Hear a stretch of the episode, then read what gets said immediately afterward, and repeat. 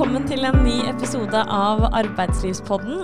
Podkasten der vi tar opp sentrale temaer med juridiske implikasjoner innenfor arbeidslivet på en enkel, engasjerende og forståelig måte. Podkasten passer for alle som møter arbeidsrettslige utfordringer, men særlig ledere og HR-personell i norske bedrifter. Og denne gangen så har vi med oss Maria Malin, som begge, begge to har vært med tidligere. Hallo! Hei, hei. hei, hei. Eh, Maria, kan ikke du fortelle, du har jo vært med før, men eh, en liten introduksjon på, på, hvem du er? Ja, jeg heter Maria Elena Kvalen. Jeg er partner eh, og kontorleder i Ålesund. Eh, og jobber primært da med arbeidsrett og skipsarbeidsrett. Og Malin, du er også Ålesundskvinne. det er jeg jobber som advokatfullmektig på kontoret i Ålesund, og jobber med det daglige både med arbeidsrett og skipsarbeidsrett sammen med Maria. Det er godt, en god duo vi har med oss i dag. Og eh, det vi skal snakke om, det er ansettelsesprosessen. Og hvorfor er det særlig aktuelt eh, nå? Jo, eh, altså ansettelsesprosesser kan være ganske krevende. Eh, det er jo viktig for alle arbeidsgivere selvfølgelig å finne de beste kandidatene for sin bedrift. Eh, så er det jo slik at arbeidstakere eh, har et veldig sterkt oppsigelsesvern. Eh, det betyr at det er ikke så lett å kvitte seg med, det, seg med de ansatte hvis man først har trådt feil med hensyn til hvem man har ansatt. Og feilansettelser blir derfor veldig krevende og kan være ekstremt kostbare. Eh, hvis det blir tvist om oppsigelsen osv., og, så videre, og man må kanskje gjennom eh, runde i rettsapparatet. Så selvfølgelig er det da eh, viktig å gjøre en grundig jobb allerede fra start, altså når du skal ansette vedkommende. Og Nylig så har vi også fått en høyesterettsdom som underbygger hvor viktig det er for arbeidsgivere å gjøre gode undersøkelser. Ok, men vi kan starte helt uh, fra scratch, da. Uh, jeg ser at uh, jeg som arbeidsgiver har behov for, for ny arbeidskraft. Hva begynner jeg med? Jo, første steg er jo, som du er inne på, å vurdere og da treffe en beslutning om man har behov for ny arbeidskraft, og, og hva type arbeidskraft. Og beslutte da at jo, vi skal ansette en ny medarbeider. Og akkurat disse vurderingene og beslutningene her, det er jo helt i kjernen av arbeidsgivers styringsrett. Eh, det er helt opp til arbeidsgiver å vurdere hvor mange ansatte man vil ha, eh, og, og hva type arbeidskraft man vil ha. Så er det viktig å være oppmerksom på at man etter arbeidsmiljøloven har en plikt til å informere de ansatte som man allerede har i bedriften, inklusiv eventuelt innleide arbeidstakere, Eh, om ledige stillinger i virksomheten. Eh, derfor er det jo ofte vanlig at man ser arbeidsgivere lyse ut stillinger både internt, f.eks. på et intranett, eh, og eksternt. Så er det også anbefalt, fra vår side i hvert fall, at man prøver å ha kontroll på om det er eventuelt fortrinnsberettiga ansatte, tidligere ansatte, som man må være oppmerksom på. I disse tider så er jo det mange arbeidsgivere som har vært gjennom nedbemanningsoppsigelser. og Hvis det er sånn at markedet for dem tar seg opp igjen, og man ser at behovet for arbeidskraft øker, så er jo dette her med fortrinnsrett en veldig aktuell problemstilling. Og det er jo flere grupper av arbeidstakere som kan ha fortrinnsrett. Eh, det mest vanlige er ansatte som er sagt opp da på grunnlag av forhold i virksomheten. Her drar arbeidsmiljøloven en grense mot arbeidstakere som er oppsatt oppsagt grunnet arbeidstakers forhold, mens de da som typisk gitt nedbemanningsoppsigelse vil ha fortrinnsrett til ny stilling i virksomheten hvis det er en stilling som man er kvalifisert for. I tillegg så kan fortrinnsrett være aktuelt for midlertidig ansatte, deltidsansatte og også ansatte som har akseptert redusert stilling som alternativ til oppsigelse. Så eh, er det jo slik at arbeidsmiljøloven ikke oppstiller noe direkte plikt for arbeidsgiver til å kontakte de som eh, er fortrinnsberettiget med tilbud om ny stilling. Eh, vi ser at uttalelser i forarbeidene kan tyde på eh, at det faktisk er opp til arbeidstaker å følge med sjøl på om det blir ledige stillinger i den virksomheten man har f.eks. blitt nedbemanna fra. Når det er sagt, så vil arbeidsgiver ikke ha kommet så veldig mye lenger hvis en fortrinnsberettiget uansett søker seg til den ledige stillinga som du lyser ut. Hvis vedkommende da er kvalifisert, så skal han eller hun få tilbud om stillinger, selv om andre eksterne søkere er bedre kvalifisert. Så du kan altså spare deg for lange intervjurunder og omfattende bakgrunnssjekker dersom du heller avklarer dette med fortrinnsrett på forhånd. Så kan vi også nevne at man kan komme opp i situasjoner hvor man faktisk har flere tidligere ansatte som kan ha fortrinnsrett til ei stilling. og Da er det greit å merke seg at man i arbeidsmiljøloven har regler for hvordan man skal velge ut hvem som i de situasjonene skal få tilbud om ansettelse i stillinga. Bedriften må også se innover og, og, melde fra til sine egne ansatte om at her er det behov for ny arbeidskraft. Eh, du var litt inne på det, Maria, om eh, dette med utlysning og sånn. Eh, men hva skal stå i denne stillingsannonsen? Jo, når du har fått kontroll på eventuelle fortrinnsberettigede stillinger, og du er klar til å lyse den ut, så er det veldig viktig å tenke nøye gjennom hva som skal stå i stillingsannonser. Eh, for det er sånn at innholdet i stillingsannonser kan binde arbeidsgiver eh, senere etter at arbeidstaker har tiltrådt. Vi har f.eks. sett eh, vi har sett eksempel i rettspraksis hvor domstolene ved tolkning av arbeidsavtalen ved en senere tvist bruker nettopp stillingsannonser og det som har blitt avtalt helt innledningsvis mellom partene, som utfyllende tolkningsgrunnlag til arbeidsavtalen, eh, som også da vil binde arbeidsgiver senere opp mot hva endringer som kan gjøres i ansettelsesforholdet.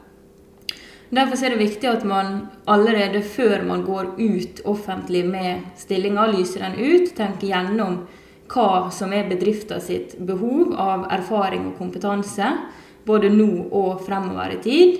Og at man eh, har en viss fleksibel tilnærming til hva som ligger i arbeidsoppgave og ansvar til stillinga. Og så bør man i annonser også være veldig tydelig på hva kvalifikasjoner og kompetanse som man krever for stillinga, sånn at man tiltrekker seg de kandidatene som har riktig kompetanse, og derfor unngår mange uaktuelle søkere for virksomheten. Her er det mange ting man må passe på også i stillingsannonsen. Eh, men eh, så kommer jo disse søknadene inn, og man skal vurdere de ulike kandidatene. Eh, hvilke ansvar ligger da på arbeidsgiver? Jo, Her kommer vi litt eh, inn på denne dommen som jeg nevnte innledningsvis. For i mars i år så avsa Høyesterett en dom som gir eh, arbeidsgivere en påminnelse om at man sjøl må være i førersetet når det kommer til å innhente informasjon om jobbsøkere. Denne saken eh, gjaldt konkret en servitør ved en eh, eksklusiv restaurant i Oslo. Og servitøren fikk da oppsigelse i prøvetid. Oppsigelsen var begrunna i manglende pålitelighet fordi han hadde holdt tilbake opplysninger ved ansettelsen. Eh, nærmere bestemt så hadde ikke han opplyst om at han eh, like før eh, hadde blitt avskjediga fra ei servitørstilling etter bare å ha vært ansatt noen uker fra en annen eksklusiv restaurant pga. trusler og samarbeidsproblem på den arbeidsplassen. Han hadde heller ikke opplyst om dette siste arbeidsforholdet i CV-en og søknadspapirene sine. Tvert imot så hadde han heller opplyst om at han de siste to åra hadde drevet med noe privat som ikke var relevant for servitørjobben. Han viste da uh, heller ikke til, til, referanser som var nye, men de var fra mer enn to år tilbake. Så var det litt tilfeldig da, hvordan denne nye arbeidsgiveren fant ut av hvordan det forrige ansettelsesforholdet var blitt avslutta. Eh, det fant de ut ved at de ansatte eh, noen måneder senere eh, en annen medarbeider fra samme restaurant som servitøren da hadde blitt avskjediga for. Det arbeidsgiver gjør da, er jo at de kontakter en referanseperson hos tidligere arbeidsgiver for å få litt nærmere informasjon om hva denne samarbeidskonflikten har gått i. Og basert på det de får høre derifra, så treffer de da beslutning om å gi denne servitøren oppsigelse i prøvetida. Servitøren bestrider jo da oppsigelsen og bringer saken inn til rettslig prøving. og Det var jo da en sak som gikk helt til Høyesterett, hvor Høyesterett etter en konkret vurdering kjente oppsigelsen ugyldig. Det Høyesterett vurderte i det tilfellet her, det var at saken sånn som opplysningssvikten forelå i dette tilfellet, samla sett ikke var graverende nok til at arbeidsgiver hadde tilstrekkelig grunnlag for oppsigelse. Og i nettopp da vurderinga av om oppsigelsen var gyldig, så la, eh, så Høyesterett vekt på at grunnlaget for avskjeden hos forrige arbeidsgiver, altså disse samarbeidsproblemene og truslene som Maria nevnte, var omtvista, og at det ikke hadde vært noe å si på påliteligheten eller arbeidsprestasjonene for den aktuelle servitøren hos ny arbeidsgiver. Altså hadde ikke arbeidsgiver noe å utsette på servitøren utover de nye opplysningene som arbeidsgiver da hadde blitt kjent med. sånn at hvis dette her ikke hadde kommet frem, eh, så var ikke dette her noe forhold som hadde gjentatt seg eller vært et problem hos ny arbeidsgiver. Jeg skjønner. Eh, men hva sier egentlig Høyesterett da? Eh, kan man si opp en ansatt i prøvetiden hvis den ansatte holder tilbake informasjon i ansettelsesprosessen? Altså, hva er eh, arbeidssøker sin plikt da, til å informere eh, om sin siste arbeidsplass eh, og eventuelle konflikter som har oppstått, oppstått der? Um, og i så fall eh, vil det ha en betydning om arbeidssøkeren gir misvisende opplysninger om hva personen har drevet med før? Det var et langt spørsmål, men uh, vi prøver. Ja, eh, nei, det vi kan trekke ut av dommen, er jo at tilbakeholdt informasjon eh, fra en arbeidssøker i en ansettelsesprosess eh, er ikke seg sjøl tilstrekkelig grunnlag for oppsigelse i prøvetid. Eh, det selv om de tilbakeholdte opplysningene kan være både relevante og vesentlige for ansettelsesvurderinger. Eh, for det er jo slik, eh, som vi alle egentlig er klar over, at en arbeidssøker må få lov til å fremstille seg sjøl i best mulig lys for en potensiell ny arbeidsgiver.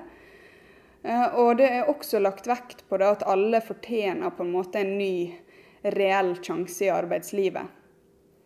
Eh, så det man kan trekke ut, er at eh, dette tilbakeholdet av opplysninger det må anses som klart illojalt av arbeidstakeren eller arbeidssøkeren for å kunne gi et eventuelt grunnlag for oppsigelse. Eh, så er det jo selvfølgelig slik at dersom en arbeidssøker på direkte spørsmål bevisst lyger eller gir uriktig informasjon om forhold av betydning for ansettelsen, så vil arbeidsgiver kunne ha grunnlag for å gå fra ansettelsesavtalen før tiltredelse, eller til oppsigelse etter tiltredelse.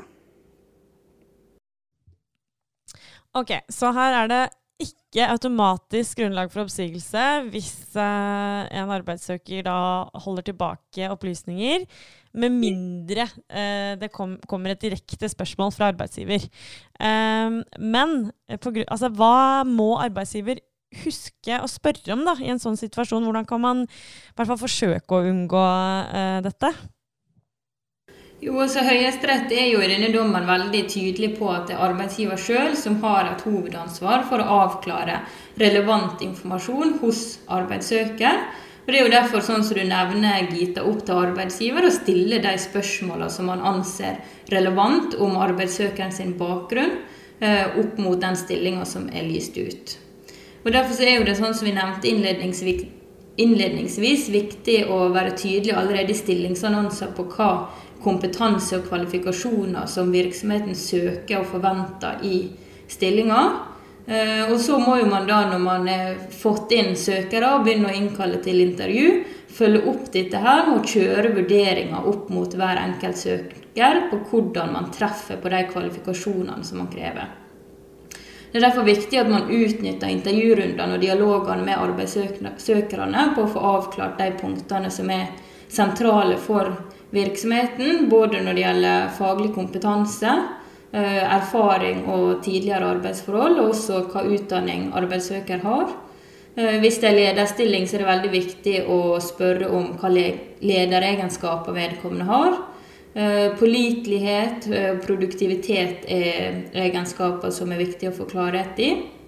Og også da dette her som går på samarbeidsevner og eventuelle tidligere arbeidskonflikter. Og Her er jo Høyesterett i denne dommen veldig klar på at en arbeidssøker i utgangspunktet ikke har plikt til å uoppfordre opplyse om tidligere arbeidskonflikter, eh, men at arbeidsgiver har anledning til å spørre arbeidssøker om disse forholdene, og at arbeidssøker da ikke kan gi uriktig informasjon. Altså, hvis tidligere arbeidskonflikter er noe man vurderer som relevant for stillinga, så er du nødt til å spørre vedkommende om det direkte. Ok, eh, Så hvis arbeidsgiver, altså denne nye Hvis vi skal tilbake til den saken da, fra Høyesterett. Eh, denne nye eksklusive restauranten hadde spurt om dette. Måtte da eh, servitøren ha sagt, altså fortalt om denne konflikten hos tidligere arbeidsgiver? Arbeidstaker vil jo sjøl styre hva han eller hun vil svare på et sånt spørsmål, men sånn som Høyesterett legger frem sin argumentasjon i denne dommen, så hadde oppsigelsesvurderinga falt annerledes ut hvis arbeidssøker etter direkte spørsmål fra arbeidsgiver hadde svart feil på et spørsmål om eventuelle tidligere samarbeidsproblem. Og da ville jo vedkommende også kunne forklart at eh Eh, jo, det var noen konflikter der, men min versjon av saken er slik og sånn. Eh, og så eh, blir det et element eh, arbeidsgiver må ta med i vurderinga. Og kanskje sjekke opp eh, eventuelt andre versjoner av dette eh, med, i form av referansesjekk osv. Da dere snakket om den saken, så sa dere også at vedkommende hadde noen CV-hull. CV hvordan skal man gå gjennom akkurat dette som arbeidsgiver? Jo, jeg tror kanskje mange slurver litt akkurat med det å gå gjennom CV-ene. Man ser kanskje at oi, vedkommende har jobba der og der. Dette var jo veldig interessant og relevant for oss. uten at man studerer kanskje Eh, tidslinja eh, skikkelig. Eh, vi anbefaler at man går nøye gjennom den og avdekker og kontrollerer om det er noen hull. Er det noen årstall her som mangler på CV-en? Og hvis det er det, så spør og be om en forklaring på det. Og igjen da, hvis man da gir bevisst uriktige opplysninger, så Eh, har man mer å fare med hvis man velger å gå til oppsigelse seinere. Eh, så er det jo eh, ofte slik at du kanskje har en anelse eller en følelse av at vedkommende har drevet med noe annet som ikke fremgår på CV-en. Det kan uansett være lurt å spørre og avklare om det er arbeidsforhold eller annen erfaring som ikke fremkommer av søknadspapirer. Noen spisser kanskje CV-ene sine veldig mot eh, denne konkrete eh, jobben, og utelater enkelte arbeidsforhold man har hatt. Og, og kanskje er ikke det relevant, men det er uansett greit å spørre. Så vet vi jo fra mange saker i media siste året at eh, enkelte dessverre driver med CV-juks. Eh, det kan derfor være fornuftig å kreve dokumentasjon på utdanninga som vedkommende påberoper seg å ha. Eh, og også på, på annen erfaring, kurs og, og, lignende. Så er jo selvfølgelig veldig viktig å sjekke referanser grundig. Noen eh, arbeidsgivere nøyer seg liksom med at det står et, et navn på en referanseperson på søknadspapirer uten at man sjekker grundigere om faktisk vedkommende har hatt noe med denne arbeidstakeren å gjøre. Eh, det kan også være lurt hvis det er få eller ingen referansepersoner, å etterspørre det. Så må man tenke igjennom da, når man sjekker er det faktisk riktig person i den virksomheten som er oppført som referanse. Er det andre som kanskje har jobba tettere med den konkrete søkeren som er mer nærliggende å snakke med? For søkeren vil jo naturligvis sette opp eh, en som, som, man har en god relasjon til, og som man forventer vil gi gode skussmål. Eh, det man også må være oppmerksom på her, det er jo at pga. Eh, GDPR og personopplysningsreglene så kreves det aktivt samtykke fra arbeidssøkeren for å kontakte referanser. Så såkalte skjulte referansesjekker skal man være litt forsiktig med. Sørg for å innhente samtykke. Og hvis eh, den ansatte ikke vil gi det, eh, så må man heller ta det med i betraktning. Og hvis man mistenker at man prøver å skjule noe, så får man heller kanskje la være å ansette vedkommende. For det kan, kan være et varselstegn. Hva skjer hvis eh, arbeidsgiver allikevel velger å mm, gjøre en sånn skjult referansesjekk, og så kommer dette fram? Jeg tror nok at veldig mange ganger så skjer det ingenting, men da er man på kanten av personopplysningsreglene, og man kan risikere eh, å måtte betale erstatning til en som mener seg eh, utsatt for brudd på personvernreglene. Så Derfor så er det viktig å, å gå riktig fram og være eh, forsiktig her. Og så vil vi også i denne prosessen her fremheve viktigheten av dokumentasjon. Eh, å dokumentere prosessene er kanskje viktigheten av det er kanskje noe som drar særlig frem i eh, selve ansettelsesforholdet, altså etter at arbeidstaker har tiltrådt stillinga, og særlig oppsigelsesprosesser. Men også denne ansettelsesprosessen, intervjurunder man har med arbeidssøkere, er viktig å dokumentere. Og at arbeidsgiver da også dokumenterer den informasjonen som arbeidssøker kommer med muntlig. Sånn at man i en senere situasjon, hvis man fra virksomheten sin side mener at arbeidssøker har gitt uriktig dokumentasjon i prosessen, og man ønsker å benytte det som oppsigelsesgrunnlag senere, så har man dokumentasjon for den eh, informasjonen som er gitt, og som er brukt som grunnlag for ansettelsen. Og hvis du som arbeidsgiver syns at prosessen på denne måten blir litt tidkrevende og tungvint, så er det veldig viktig å huske på at et godt forarbeid her kan stoppe det fra å ansette en kandidat som i utgangspunktet aldri skulle vært ansatt i virksomheten. Dere har vært gjennom nå en rekke ting som er viktig å, å få med seg. Eh, alle disse eh, spørsmålene kan, som du sier, Malin, stoppe deg fra å ansette noen som ikke burde vært ansatt.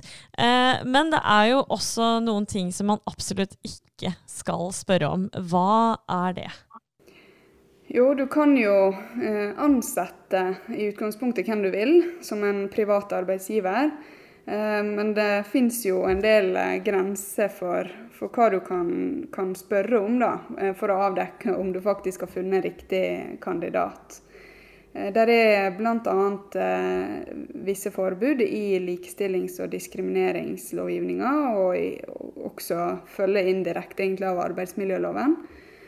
Eh, I utgangspunktet så kan du ikke stille spørsmål om seksuell orientering, etnisitet og religion, livssyn, graviditet, planer om familieforøkelse, adopsjon og, og den type eh, spørsmål. Heller ikke politisk syn og medlemskap i arbeidstakerorganisasjoner og helse. Men så er jo det uansett sånn at disse såkalte forbudte spørsmålene her aldri er absolutt. Eh, for enkelte stillinger så kan jo det være sånn at arbeidsgiver eller virksomheten har et legitimt behov for å innhente f.eks. helseopplysninger eller informasjon om sykefravær i tidligere arbeidsforhold.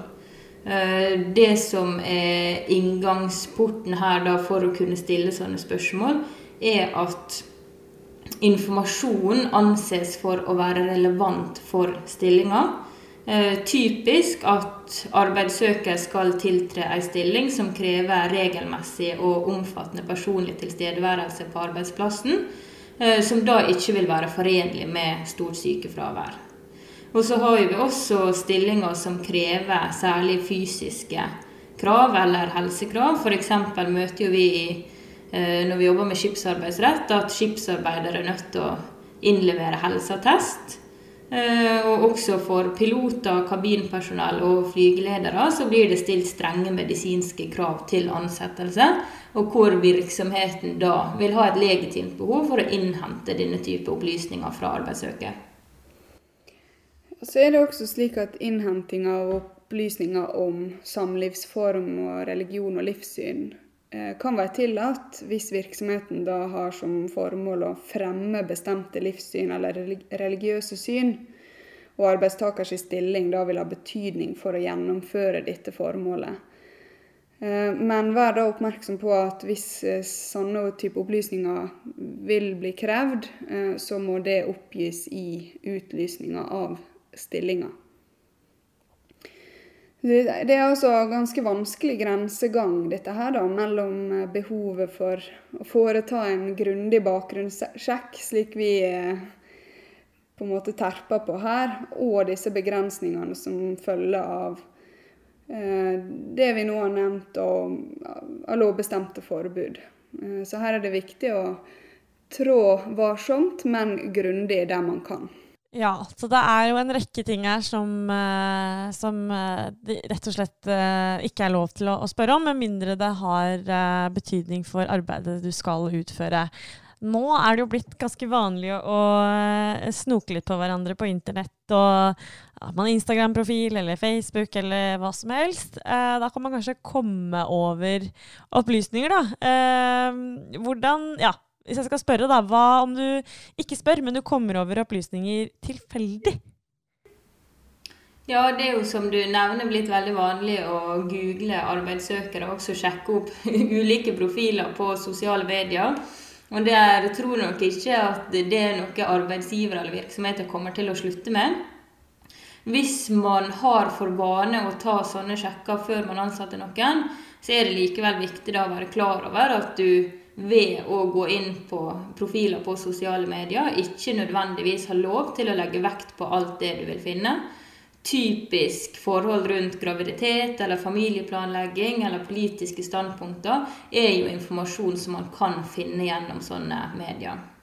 Og Hvis man da har kommet over den type opplysninger, og man vektlegger det i ansettelsesprosessen, så vil det anses som diskriminering.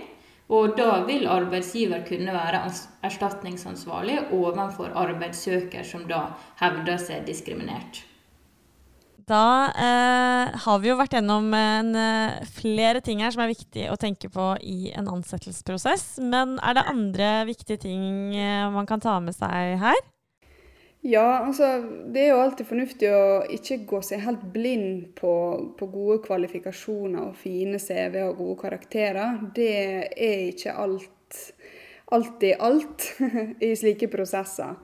Uh, ofte er det veldig viktig å finne um, medarbeidere som går godt inn i den kulturen man har jobba hardt for å for å innarbeide i virksomheten, og som samarbeider godt med den type ansatte man allerede har.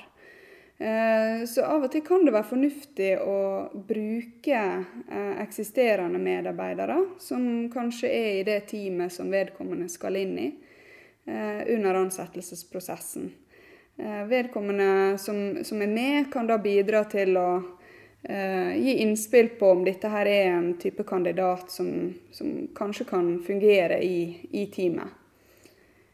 Uh, så, så, vi anbefaler det at man, man i den grad uh, det føles greit og fornuftig, tar med teammedlemmer i ansettelsesprosessen for å vurdere aktuelle kandidater, om de da passer inn i bedriftskulturen. Og dette her er jo noe som egentlig går begge veier. Så man, eh, som arbeidsgiver så fremstår jo man mer attraktiv på arbeidsmarkedet hvis man er, fremstår seriøs overfor søkerne. Og det at søkerne får møte teamleder eller stille spørsmål til teamleder om det teamet man skal inn i, vil jo være noe som ofte anses eh, positivt utad. Ok, du har funnet, uh, du har funnet uh, arbeidstakeren. Uh, da skal vi jo til slutt få, få, på plass en arbeidsavtale. Vi har spilt inn en egen podkastepisode om akkurat dette, men, så vi anbefaler selvfølgelig at du lytter til den. Men har dere et par, et par gode punkter på, på arbeidsavtalen helt til slutt? Få på plass en skriftlig avtale så fort som mulig sånn at det ikke blir tvist mellom partene på hva som er innholdet i arbeidsavtalen. Og bruk tid på å sette opp en gjennomtenkt arbeidsavtale.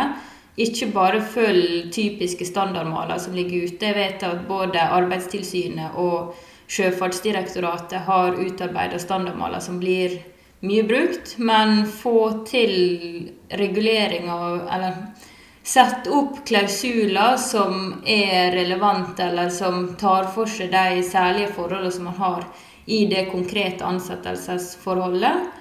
Og tenke gjennom hva type stilling det er snakk om eh, når man setter opp avtalen. Eh, lederstillinger krever ofte mer utførlige avtaler med flere klausuler enn stillinger eh, lavere nede i hierarkiet. Er du enig, Maria? Absolutt. Eh, det å skrive gode arbeidsavtaler, det kan ikke vi få terpa nok på. Eh, arbeidsavtalen eh, er liksom det første vi, vi ber om å få hvis det blir tvist om arbeidsforholdet, og der ser vi fortsatt at det ligger en del forenkle versjoner ute, og enkelte ganger mangler de, dessverre. Ja.